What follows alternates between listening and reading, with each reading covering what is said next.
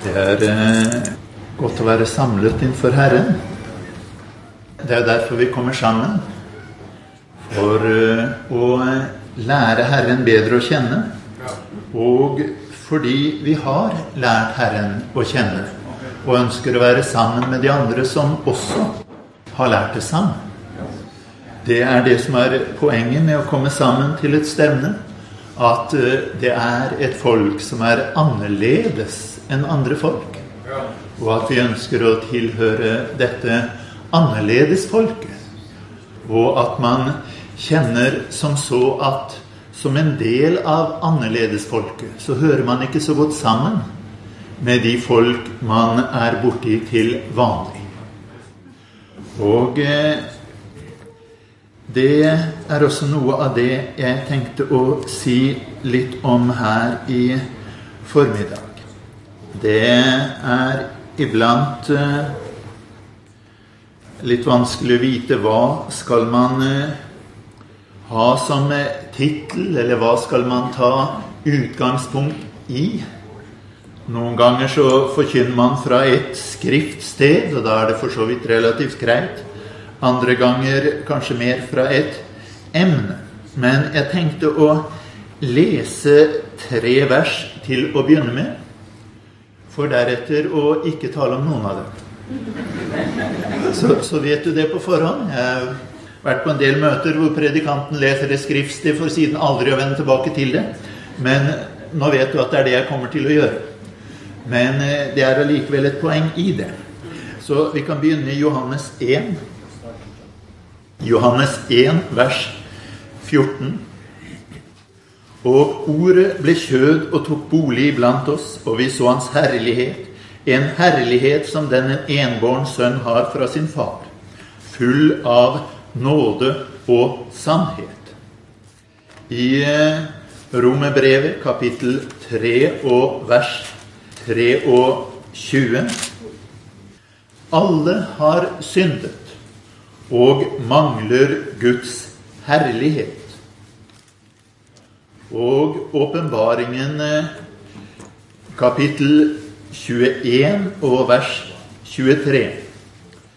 Byen trenger ikke lys fra solen eller månen, for Guds herlighet opplyser byen, og lammet er dens lys. Takk, kjære Gud og Far, at du som har lovet å være med oss alle dager, du er også til stede her på denne dag. Gi oss nåde og åpenbarelse fra deg så vi kan se din herlighet i Jesu navn. Amen. Vi leste her tre forskjellige skriftsteder som alle omtalte herlighet. Det avsluttet med den staden man skal komme til, som er opplyst av Guds herlighet. Hvor Guds herlighet er alt man eh, si, Det påvirker av.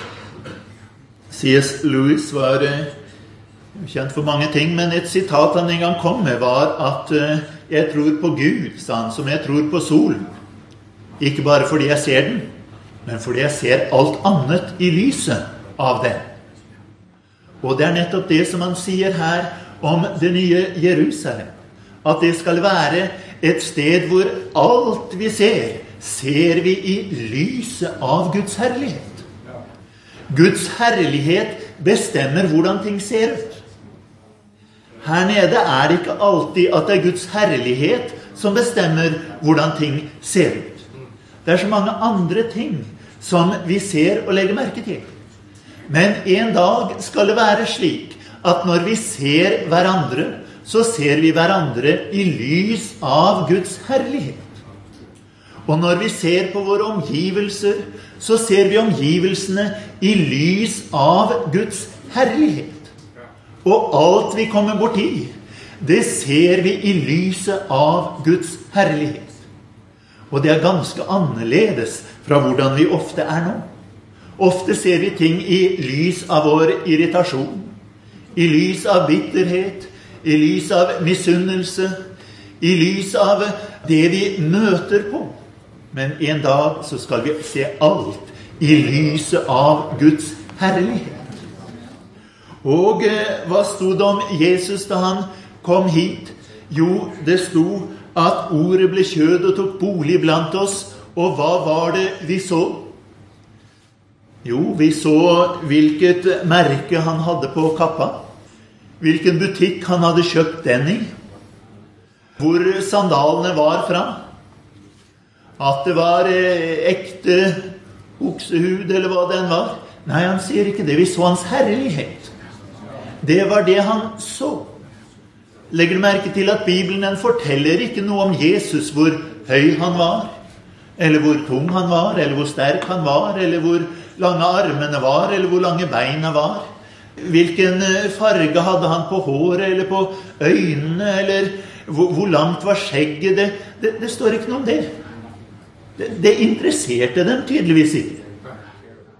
Det interesserer oss altså folk flest, de er interessert i hvordan Jesus så ut.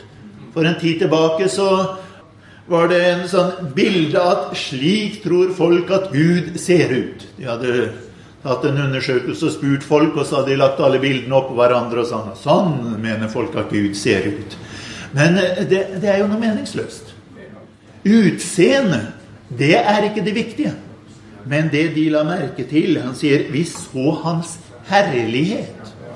En herlighet som den en enbåren sønn har fra sin far. Han sier at Jesus hadde en herlighet, og grunnen til at han hadde en herlighet, var at han sto i et spesielt forhold til sin far. Han var den enbårne sønn av sin far. Og denne herligheten hadde han. Og det som er vårt problem, er at vi mangler denne herligheten. Alle har syndet og mangler Guds herlighet. Iblant så legger vi listen litt lavt. Vi ser liksom bare på det, det, negative og eventuelt en mangel på det negative. Jeg har ikke gjort noe galt. Det var liksom Det var ikke jeg som gjorde det. Det er en eh, som om det å la være å gjøre noe galt er det som er målet. Og at vårt problem er at vi har gjort noe galt. Men det er ikke vårt største problem. Vårt problem er at vi mangler Guds herlighet. Det skal være noe på plussiden. Ikke bare at det ikke skulle vært noe på minussiden. Det skal være noe på plussiden. Det er det han sier, at det er noe som skulle kjennetegne Guds folk. Ikke bare at de har en mangel på det som er negativt, men at de har det som er positivt. Ikke sånn at der er en kristen, han røyker ikke, han drikker ikke, han stjeler ikke, han lyver ikke.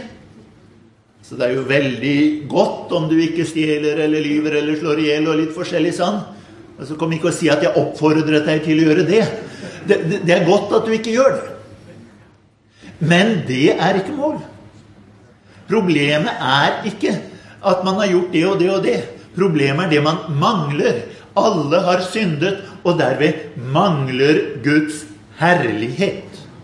Det er den som mangler. Og det er der som vi må begynne å se for oss ting. Er vi et folk som ser frem til den dagen hvor vi ser alt i lyset av Guds herlighet? Er vi et folk som lengter etter at alt annet lys skal bli borte? slik at det som viser frem ting for oss, er Guds herlighet? Eller ville det bli en katastrofe når den dagen kommer hvor jeg ikke lenger kan se på deg i misunnelsens lys? Vil være eh, fryktelig irriterende når jeg ikke lenger kan se på deg i, i bitterhetens eller mistenksomhetens lys? Eller lengter jeg etter dette, at jeg vil leve i Guds herlighet? Jeg vil se Guds herlighet, og jeg vil se alt annet i lyset av Guds herlighet. Som han sa, vi står jo ikke og ser på solen. Men vi ser alt annet i lys av solen. Når du er ute og går, så går du ikke og stirrer på solen, men du ser veien fordi solen er der. Du ser omgivelsene fordi solen er der. Og du kan si at det som bestemmer alt i mitt liv, det er solen. Solens lys. Den bestemmer at jeg ser at det er et bygg, at jeg ser at det er en skog, at jeg ser at det er et menneske. Alt er bestemt av lyset fra solen. Og må det være slik at alt er bestemt av lyset fra Guds herlighet. Det er det som er mitt mål. At jeg ser alt i dette lyset. Det er det jeg lengter etter. Ikke bare å se Guds herlighet, men at Guds herlighet skal være det som avgjør hvordan alt ser ut. Hvordan jeg ser på alt annet. Og denne herligheten sto det at Jesus hadde fordi han var en enbåren sønn av sin far. Og det jeg tenkte å se litt på her i formiddag, det er nettopp det som Bibelen taler om, det å være sønn. Det er et uttrykk som jeg har hørt mange ganger i kristen sammenheng. Og man sier som så at ja, vi er barn av den levende Gud. Og Gud, han har ingen adoptivbarn. Hvis du hører til de som har sagt det, så slutt. For det første fordi det er ikke sant. Det skal vi komme tilbake til. For det andre så kan du jo tenke litt på hvordan det er å sitte i salen og høre på deg hvis du er adoptivbarn. Og høre folk skryter av at de ikke er det, og at det er så fantastisk å ikke være adoptivbarn. Så kan du jo tenke litt på det. Men eh, det var en eh, som var adoptert en gang og var litt betuttet fordi han hadde hørt litt vel mye av den slags.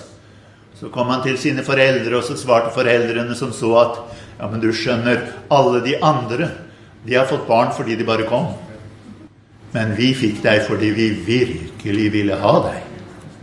Vi virkelig ville ha deg. Og driver så Gud og adopterer. Det gjør han. Det forteller Bibelen oss om. Og det står sånn sett mer i Skriften om de adopterte enn om de som er født.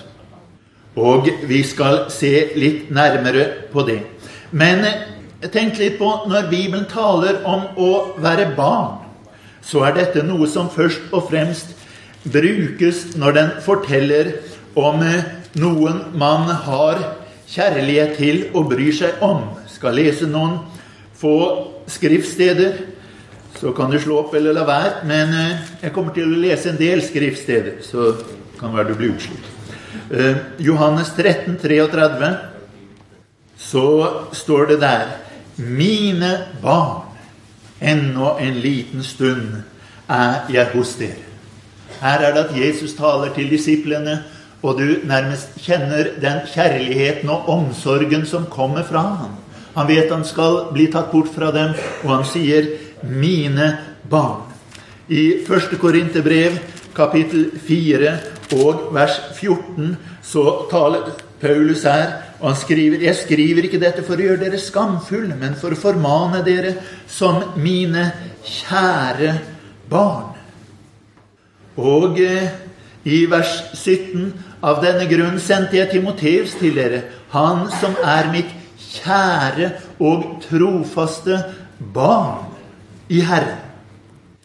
Og i Galaterbrevet, kapittel 4 og vers 19, hvor han sier der 'Mine barn, som jeg igjen må føde med smerte inntil Kristus vinner skikkelse iblant dere'. Eh, du, du føler hele tiden denne kjærligheten som flyter ut ifra det han sier. Og du har tilsvarende i eh, Markus kapittel 2, hvor Jesus taler til denne som blir brakt inn til dem på en båre, hvor han eh, sier der i kapittel 2 og vers 5 Da Jesus så deres tro, sa han til en lamme, barn, syndene dine er deg forlatt. Barn, syndene dine er deg forlatt. Hvis du har 30-oversettelsen, så står det 'sønn', men det står ikke det. Det står 'barn'. Han taler til ham som en han har inderlig medynk med. En han føler med, en hvor hans kjærlighet, den flyter over. Og tilsvarende ser du i første Timoteus brev, i kapittel 1 og vers 18 så sier han der Dette er det oppdrag jeg overgir til deg, min sønn Timoteus. Men han sier ikke 'min sønn', han sier 'mitt barn', Timoteus. Det samme sier han i 2. Timoteus kapittel 2 vers 1. Bli da du mitt barn, sterk ved nåden i Kristus Jesus. I vår bibel står det sønn, men det står ikke det. Det står barn. Og det er jo litt underlig når han omtaler ham i 1. Korinterbrev, så er alle enige om at der skal vi oversette det med vårt, mitt kjære og trofaste barn. Og så skriver man plutselig 'sønn' i Timoteus. Men eh, det står på gresk 'barn'. Og det er en grunn til det. Han snakker om en han er inderlig glad i.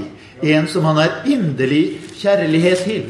Derfor ser du også i brevet til Filemon, i det tiende verset, hvor han sier Ber jeg deg for mitt barn Onesimus, som jeg er født her i mine lenker. Ikke min sønn, som det står i vår bibel, men mitt barn. Han har jo født ham. Og det å være født er forbundet med å være barn. Men hva vil det så si å være sønn?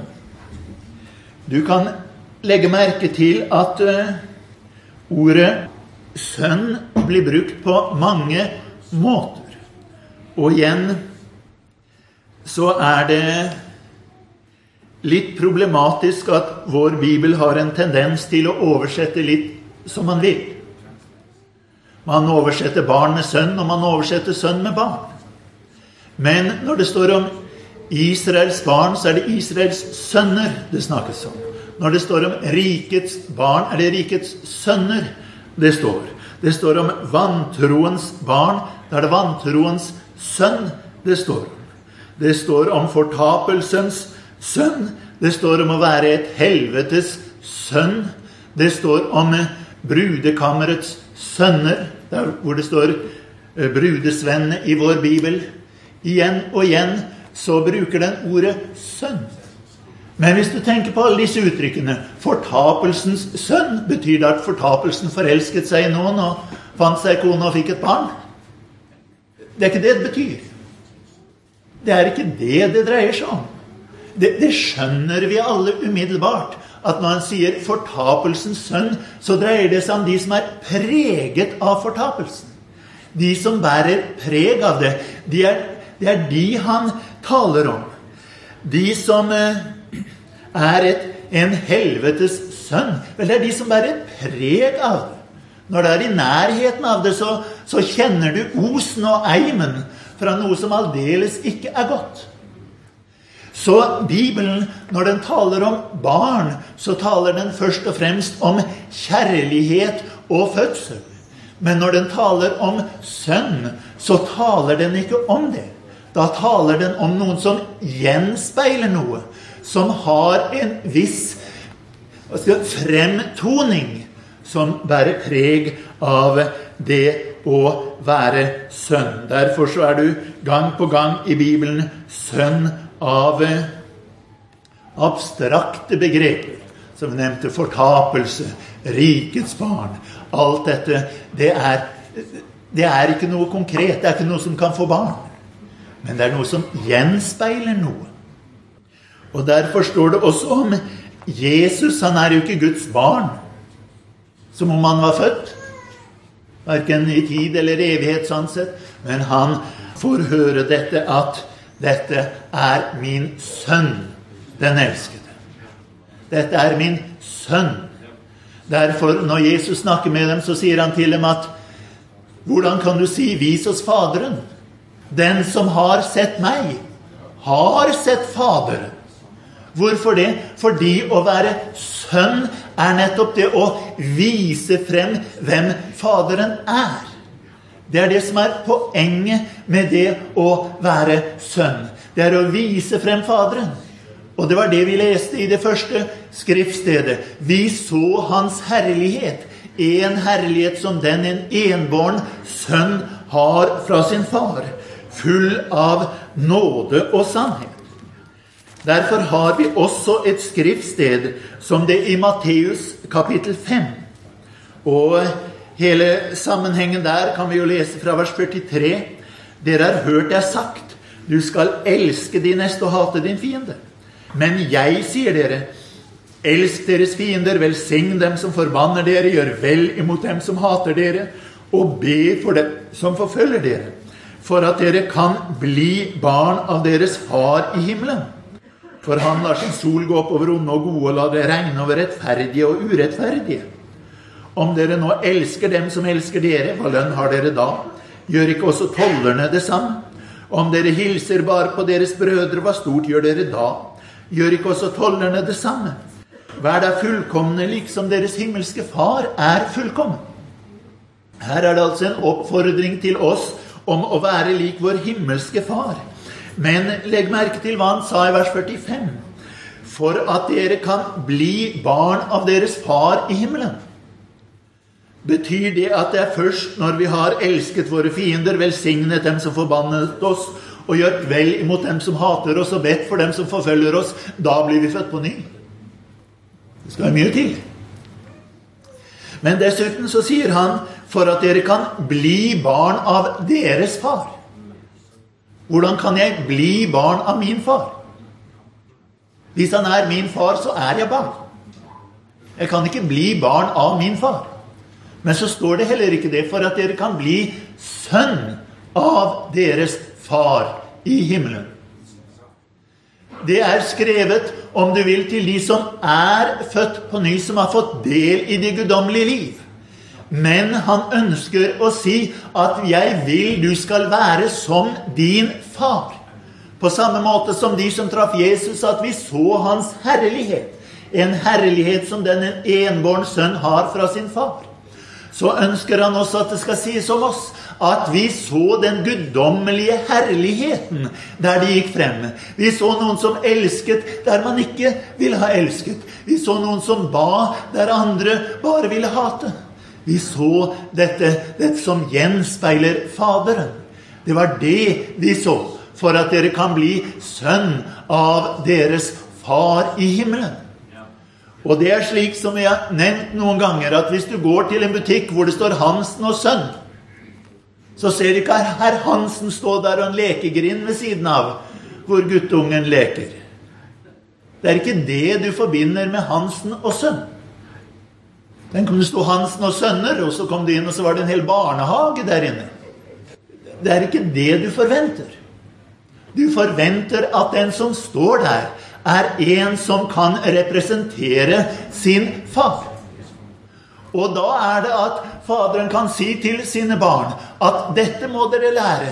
Nå må dere bli ansvarlige. Nå må dere jobbe hardt, slik at dere kan være mine sønner. Og at jeg kan skrive Hansen og sønn her, fordi du overtar etter meg. Du kan gå inn i denne bransjen. Jeg ønsker å skrive Hansen og sønner for at alle dere skal vokse opp og inn i denne situasjonen. At dere kan overta etter meg.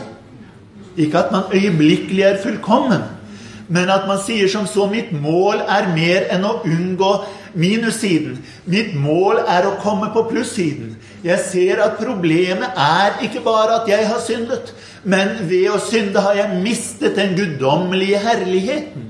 Og det er den guddommelige herlighet som vi trenger, og som vi ønsker i vårt liv. Og guddommelig herlighet, det er noe som Gud ønsker å vise på sin sønn. I Det gamle testamentet så Du vet at eh, farao fikk beskjed om at min sønn, min førstefødte, det er Israel. Og han sier fra Egypten kalte jeg min sønn. Han ønsket at dette skulle være hans sønn som skulle vise hans herlighet. Så kom Jesus og Jesus ble den som viste hans herlighet. Når Jesus kom, så var han Guds sønn. Han var Guds sønn her i svakhet her nede. Han var ringedeaktet, han forintet. Og han sto opp fra de døde og ble erklært å være Guds veldige sønn. Guds sønn med styrke. Han var den som viste Guds herlighet her nede, og han er den som viser Guds herlighet fortsatt. Men så er det at eh, vi vi er kalt til å være Guds sønner. Paulus sier i 1. Korinterbrev 13, vers 11. Da jeg var barn, talte jeg som et barn, tenkte jeg som et barn, dømte jeg som et barn. Men da jeg ble mann, la jeg av det barnslige.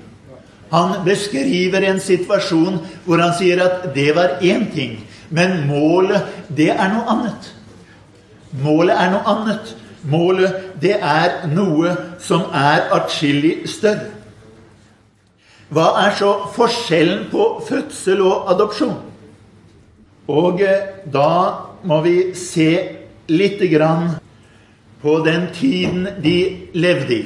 Paulus var jo romersk borger, og han forholdt seg til romersk lov. Og en romersk adopsjon, det var ikke at du gikk på barnehjemmet og fant et lite barn du skulle adoptere. Man adopterte ikke små barn. Man adopterte en voksen person. Adopsjon i Romerriket var alltid av en voksen person. Det var ikke barn som ble adoptert. Du adopterte noen fordi du trengte en arving. Du trengte noen til å overta etter deg. Og da går det ikke rundt og, og velger en som ligger der nede i barneseng. Du aner jo ikke hvordan den personen kommer til å bli. Du velger noen som er voksen. Og ofte så var det en slave som ble adoptert. Fordi han hadde jobbet der i lang tid. Man visste at det er en som kan jobben. Og han tenkte som så Hvem er bedre til å overta etter meg enn den personen her. Jeg har ingen egne barn, men her har jeg en slave. Så nå setter jeg ham fri, og nå adopterer jeg ham som min sønn. Og det var alltid sønner som ble adoptert. Så det er derfor Bibelen taler om sønner og om far. For den som adopterte, det var far. Og i romersk lov så var familiefaren, pater familias, han hadde all makt. Han bestemte alt over sin familie inntil han døde. Alt. Han kunne ta livet av sine barn om han ville. Han hadde absolutt makt. Det var den romerske familien. Pater Familias bestemte absolutt alt. Og når han adopterte noen, så ble de innvalgt, og de var ett og alt 100% i den nye familien. Det var ut av den gamle, inn i den nye. Du hadde ikke lenger noen rettigheter eller noen plikter i din gamle familie, men du hadde alle rettigheter og alle plikter i den nye familien. Og hvis du ser på de romerske keiserne i tiden rundt Paulus' tid, så hadde samtlige av dem Det var ingen som satte sin fødte barn på tronen. De alle satte de sin adoptivsønn på tronen. De fant noen de så egnet seg til å være keiser. Og når de da visste at 'jeg har ingen barn som kan overta etter meg', men de adopterte en sønn og innsatte ham som sin sønn. Og da kunne han arve tronen, for han hadde alle rettigheter. Og han var den som skulle videreføre familiens navn, familiens eiendom og familiens tilbedelse. Det var veldig viktig for dem. Enhver familie hadde sine guder som betydde noe for dem, og som de holdt sine egne private gudstjenester til. Og den som var arving, skulle videreføre alt dette. Så er det sikkert noen som da sitter og lurer på hvor i all verden får han denne adopsjonen ifra. Nå kan vi begynne å lese om det. Du kan slå opp i Efeserbrevet. Og her er det den lange setningen som Paulus kommer med her i begynnelsen av Efeserbrevet. Vers 3, kapittel 1, vers 3. Lovet være Gud, vår Herre Jesu Kristi Far. Vi har vært inne på det før, men den mest naturlige måten å oversette det på, og slik det er oversett i stort sett alle andre bibeloversettelser på andre språk jeg har sett, det er at lovet være vår Herre Jesu Kristi Gud og Far. Og Det er et viktig poeng i Efeserbrevet. For der taler det mer enn andre steder om å være i ham, i Kristus, i ham. Og vårt forhold til Gud er i ham. Derfor så står det Lovet være vår Herre Jesu Kristi Gud og Far, Han som har velsignet oss med all åndelig velsignelse i himmelen i Kristus. For i ham har Han utvalgt oss før verdens grunnvoll ble lagt, for at vi skulle være hellige og ulastelige for Hans åsyn. I kjærlighet har Han forutbestemt oss til å få barnekår hos seg. Barnekår. På gresk står det biothesias, som betyr adopsjon som sønn. Ordet barnekår det betegner en adopsjon. Derfor, hvis du leser en engelsk bibel, så står det der 'adoption as sons'. Overalt hvor det står barnekår, så dreier det seg om adopsjon. Det er det ordet betyr. Å bli adoptert som sønn. For som sagt, i Romerriket var det kun sønner som ble adoptert. Det var de som skulle innsettes til arving. Så her sier han at han har forutbestemt til å bli adoptert som sønner hos seg ved Jesus Kristus etter sin frie viljes råd. Det var ingen som kom og sa at 'du, jeg har lyst til at du skal adoptere meg'. Det var pater Familia som bestemte hvem han ville adoptere. Det var 100% opp til ham. Han bestemte hvem han ville adoptere.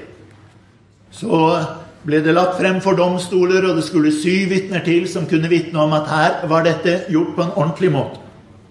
Så sier han videre, til pris for sin nådes herlighet som han gav oss i den elskede.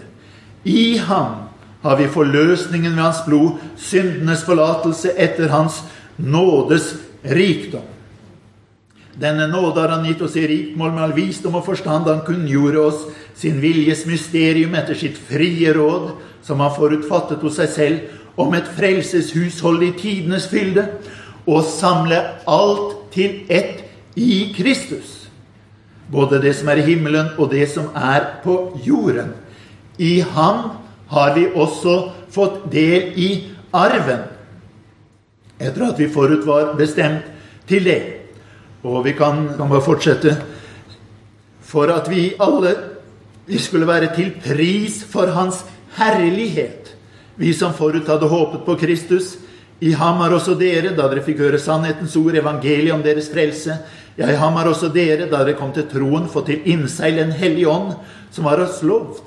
Han som er pantet på vår arv, inntil eiendomsfolkets forløsning, til pris for Guds herlighet.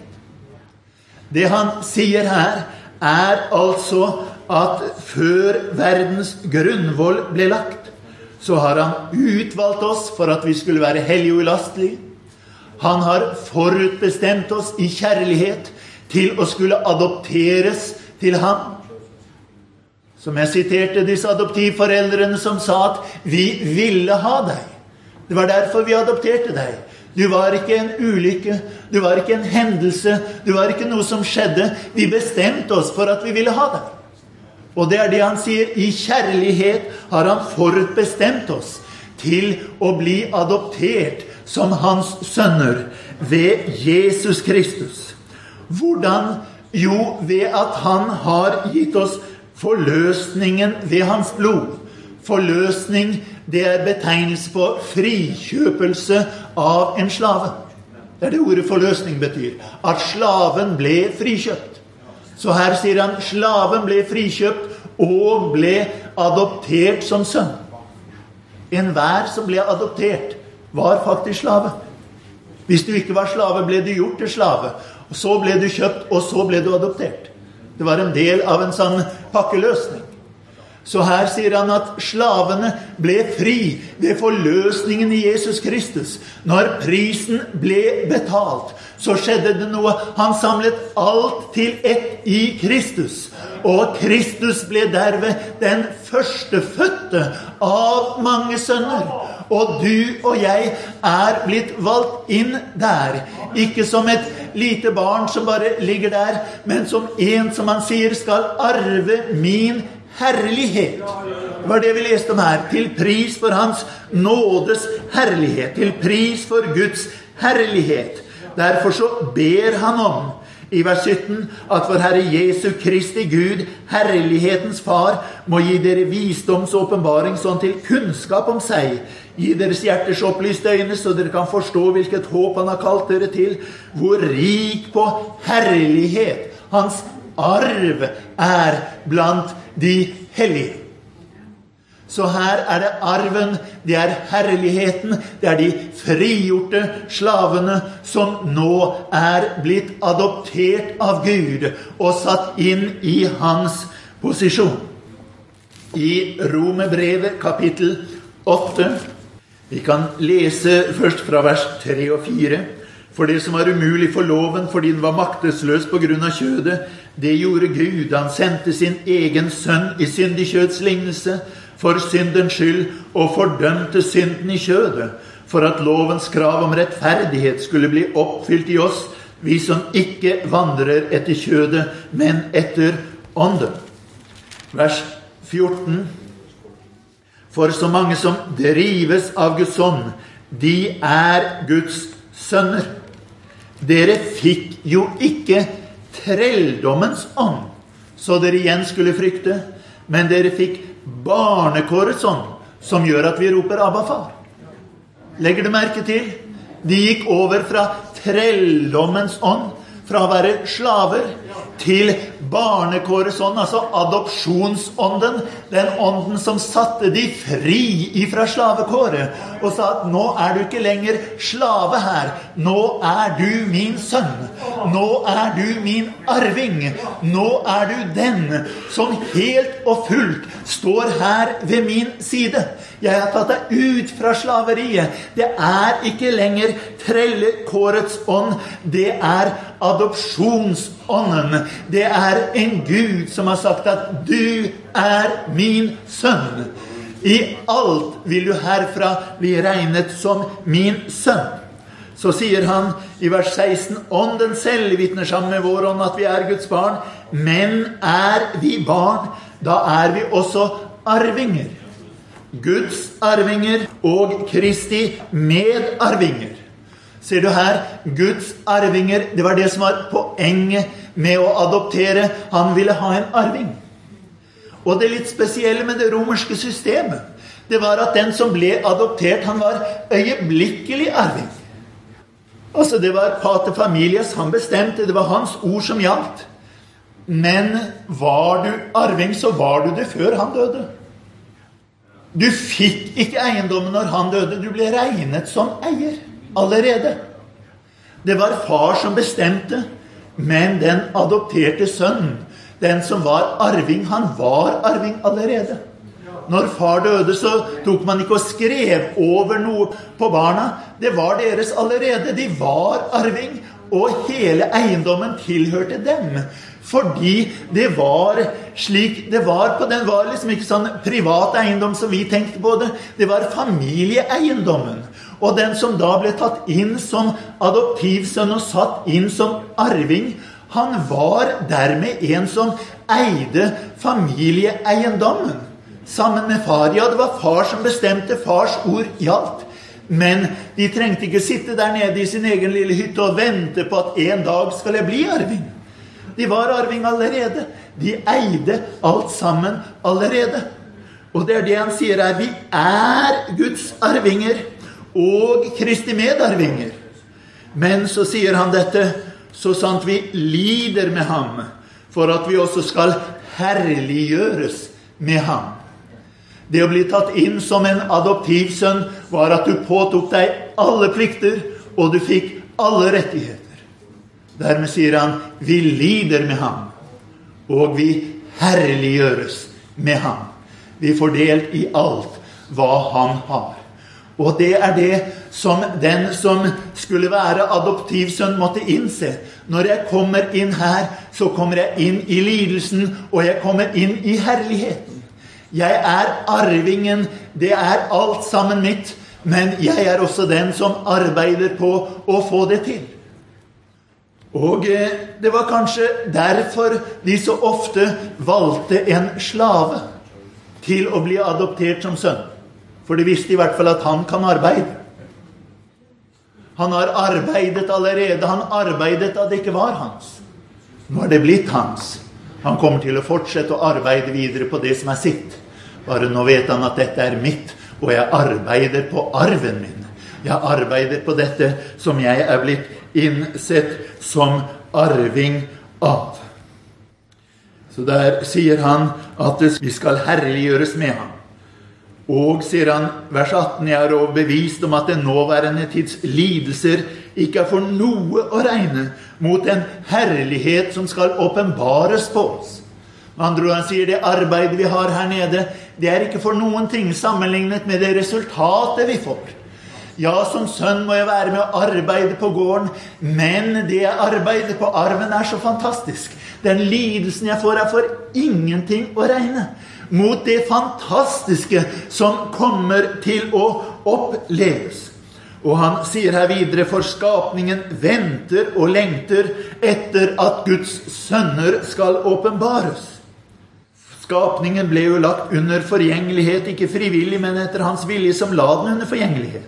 I håp om at også skapningen skal bli frigjort fra trelldommen under forgjengeligheten og nå fram til Guds barns frihet i herligheten.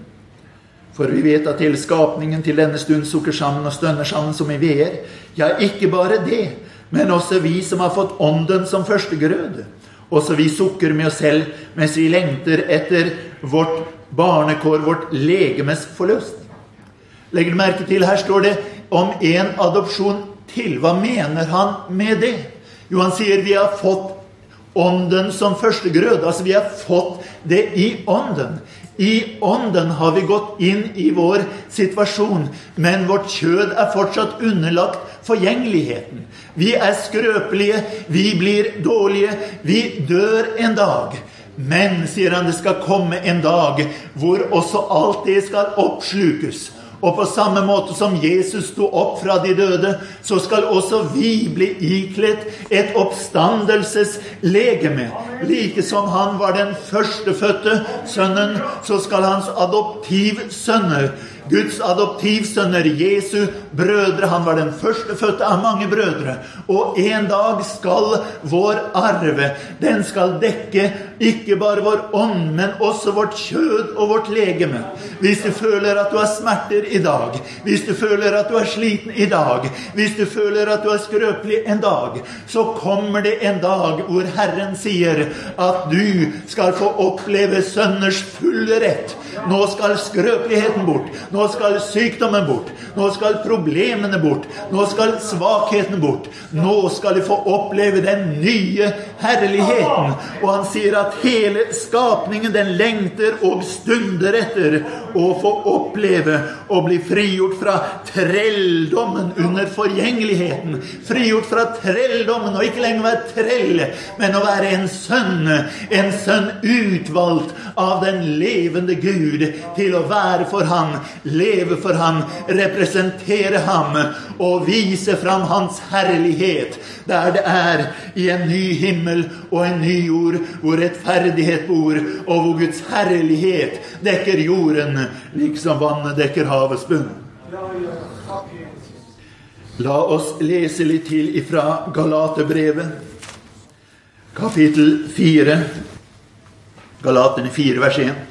Men jeg sier, så lenge arvingen er barn, er det ingen forskjell mellom ham og en trell, enda han er herre over alt sammen. Hva er det han sier her? At det å være bare et barn, det å si at 'ja, men jeg er født' Ja, men det hjelper ikke noe så lenge du er et barn. Et barn har ikke delaktighet i arven. Så lenge arvingen er barn, er det ingen forskjell mellom ham og en trell. Og det kan du også se. Mange mennesker de er nok født på ny, men de lever fortsatt trellelivet. For de er aldri kommet ut av denne situasjonen. De er bare der. Ja, de er nok født, ja, de har nok fått del i livet fra Gud, men de lever der som et barn. Og det er ingen forskjell mellom dem og en trell. Man klarer ikke se noen forskjell mellom livet til dem og livet til en trell. Og det er tragisk å se rundt omkring i mange kristne sammenheng, mange forsamlinger hvor de lever et trelleliv til tross for at de er Guds barn. Men han sier her i vers 2 han står under formyndere og forvaltere til den tid som hans far før har fastsatt. Og slik var det i romersk tid. Det var far som sa at når du er så gammel, da kan du overta. Og det gjaldt. Så kunne han poden si som sånn Nei, men jeg syns jeg er eh, voksen nok nå. Men det hjalp ikke noe. Det var far som sa at nå er tiden kommet. Og slik har det vært ned gjennom tidene i Det gamle testamentet, i vår ufrelste tilstand. Det var nok mange ting vi kunne gjøre. Men Gud hadde sin plan, og han hadde sitt tidspunkt. Og så sier han i vers 3.: Slik var det også med oss da vi var umyndige. Vi var trellbundet under verdens barnelærdom. I kapittel 3 vers 23 sier han men før troen kom, ble vi holdt i varetekt under loven innestengt inntil en tro som skulle komme. Det er en slags parallellitet her mellom de som var under loven, de som var under verdens barnelærdom. Men, vers 4 i kapittel 4, da tidens fylde kom, utsendte Gud sin sønn, født av en kvinne, født under loven. Her kommer storebror, her kommer han som er Guds enbårne sønn. Han var født av en kvinne, født under loven, for at han skulle kjøpe dem fri, som var under loven, for at vi skulle få barnekår, for at vi skulle adopteres som sønner. Her er det at han sier, 'Du som er som trell, jeg kjøper deg fri. Jeg betaler prisen. Jeg har fridd deg fra trelldommen, og nå innsetter jeg deg som min sønn. Jeg adopterer deg som min sønn. Nå er det ingen lenger som kan si at du tilhører oss. Men nå sier jeg at du tilhører meg, og det er oppskrevet i bøkene. Der står vitnene og sier, 'Han tilhører meg. Jeg tilhører Faderen. Jeg har fått sønnekår hos Faderen. Farvel, du brede strede. Du ser meg aldri mer. Jeg tilhører ikke det folket. Jeg tilhører ikke den sammenhengen. Jeg tilhører ikke den situasjonen. Nå er jeg en helt ny situasjon. Jeg er skrevet fullstendig ut av det. Jeg arver ingenting fra den gamle familien. Jeg har ingen forpliktelser overfor den gamle familien. Men nå har jeg fått sønnekår. Og fordi dere er sønner, har Gud sendt sin Sønns ånd inn i våre hjerter, som roper 'Abba, far'. Både i Romerbrevet der vi leste, og her står det 'Abba, far', og det står i forbindelse med adopsjonsskriftstedet, der han innsatte oss som sønn. Og her er det en som ikke var sønn, en som hadde vært trell, en som hadde vært slave, en som måtte gå rundt og, og snakke ydmykt om vår Herre. Kjære mester der oppe. Men nå fikk han beskjed om at nå har jeg adoptert deg. Fra nå av er du min sønn. Og han kan stå frem, og han som før alltid har sagt 'høyverdige mester', kan nå si 'Abba, far'. Abba, far. Og han kan kjenne at jeg har den samme ånden i meg som det Jesus hadde. Han som ropte på 'Abba, far' der foran sin lidelse. Når jeg står foran min lidelse, kan jeg rope på 'Abba, far', for han har innsatt meg. Han har gitt meg sønners fulle rett. Han har gitt meg den plassen som han vil jeg skal ha. Fordi dere er sønner av Gud, send sin Sønns ånd inn i våre hjerter, som roper 'Abba, far'. Så er du da ikke lenger trell, men sønn. Men er du sønn, da er du også arving. Innsatt av Gud. Og det er det som han sier. Det å være sønn og det å være arving, det er ett og det samme. Han sier senere, legg dere ikke under de svake, unyttige bud. Dere er arvinger. Dere er ikke treller, dere er arvinger. Dere har ansvar for dette. Dere er eiere av dette. Dette er deres. Dere er arvingene. Fordi Herren sa at du er min sønn.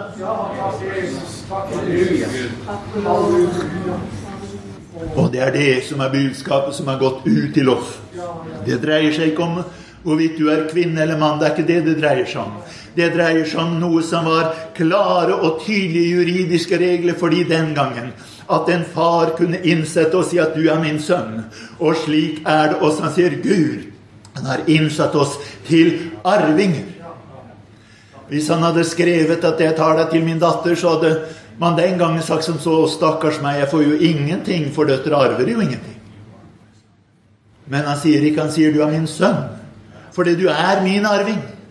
Om du er kvinne eller mann, det er ikke det det dreier seg om. Det dreier seg om å være innsatt som hans arving. Og ha arveretten til alle velsignelser i himmelen i Kristus Jesus, som vi har fått del i fordi han før verdens grunnvoll ble lagt, har bestemt at vi skal være i denne situasjonen. At han i kjærlighet har utvalgt oss, forutbestemt oss til å bli adoptert som hans sønn. Så hvis du lurer på om eh, Gud han eh, ja, Var det et øyeblikksinnfall han fikk da han valgte meg? Så kan jeg fortelle han gjorde det før verdens grunnvoll ble lagt. Han har laget et helt univers siden han bestemte seg for at han vil utvelge deg. Og hvis du lurer på om han ja, kanskje han følte han måtte det, så står det at det var i kjærlighet han forutbestemte oss til å få adopsjon fra han.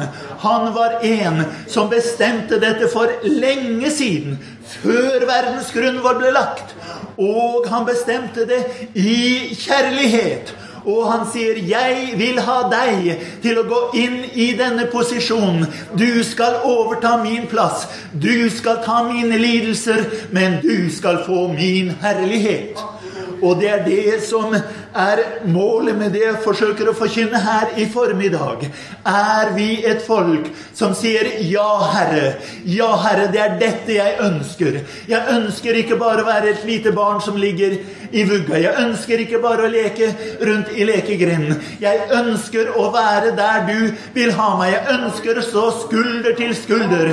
Jeg ønsker å være Jesu Kristi medbroder, som er likedannet med hans sønns bilde. Jeg ønsker å lide der han lider. Jeg ønsker å seire der han seirer. Jeg ønsker å være en overvinner der han er en overvinner. Jeg vil stå skulder til skulder med ham. Og det er spørsmålet til oss her i formiddag. Ønsker vi å stå skulder til skulder med ham? Ønsker vi å si takk, Herre, takk, Far, du har kalt meg, du har valgt meg, du har innsatt meg som din sønn, som din arving, og jeg vil ta på meg jobben som din arving. Hittil har jeg gått rundt med lua i handa og vært en slave og lurt på skal jeg gjøre noe her, skal jeg ikke gjøre noe her, er det plass for meg, er det ikke plass for meg? En arving, han lurer ikke på det, han vet at dette er mitt. En slave kan vurdere Jeg ser den gjerdestolpen ligger nede, lurer på om jeg skal sette den opp, eller om noen andre skal gjøre det. En arving lurer ikke på sånt. Han setter den opp. Han fikser det. Det er hull i taket. Vel, en arving vet at er det noen som skal fikse det, så må det være meg. For jeg er arvingen. Men når de bringer inn grøden, så vet også arvingen at er det noen som skal feste her, så er det meg. Fordi jeg er arving. Jeg er arving. Og det er dette som Herren sier, det er dette jeg har innsatt dere til. Det er mye forkynnelse om å være født på ny, og det er godt å være født på ny. Og jeg er glad for å være født på ny, og du må bli født på ny. Er du ikke født på ny, så må du bli født på ny. Men det meste Bibelen taler om, det er at vi er adoptert av ham til å være hans sønner. Innsatt som arvinger i den levende Guds rike. For å få del i den herlighet som Gud, før verdens grunnvoll ble lagt, har bestemt at Sønnen og hans sønner skal ha. Og det vil han gi til oss. Amen.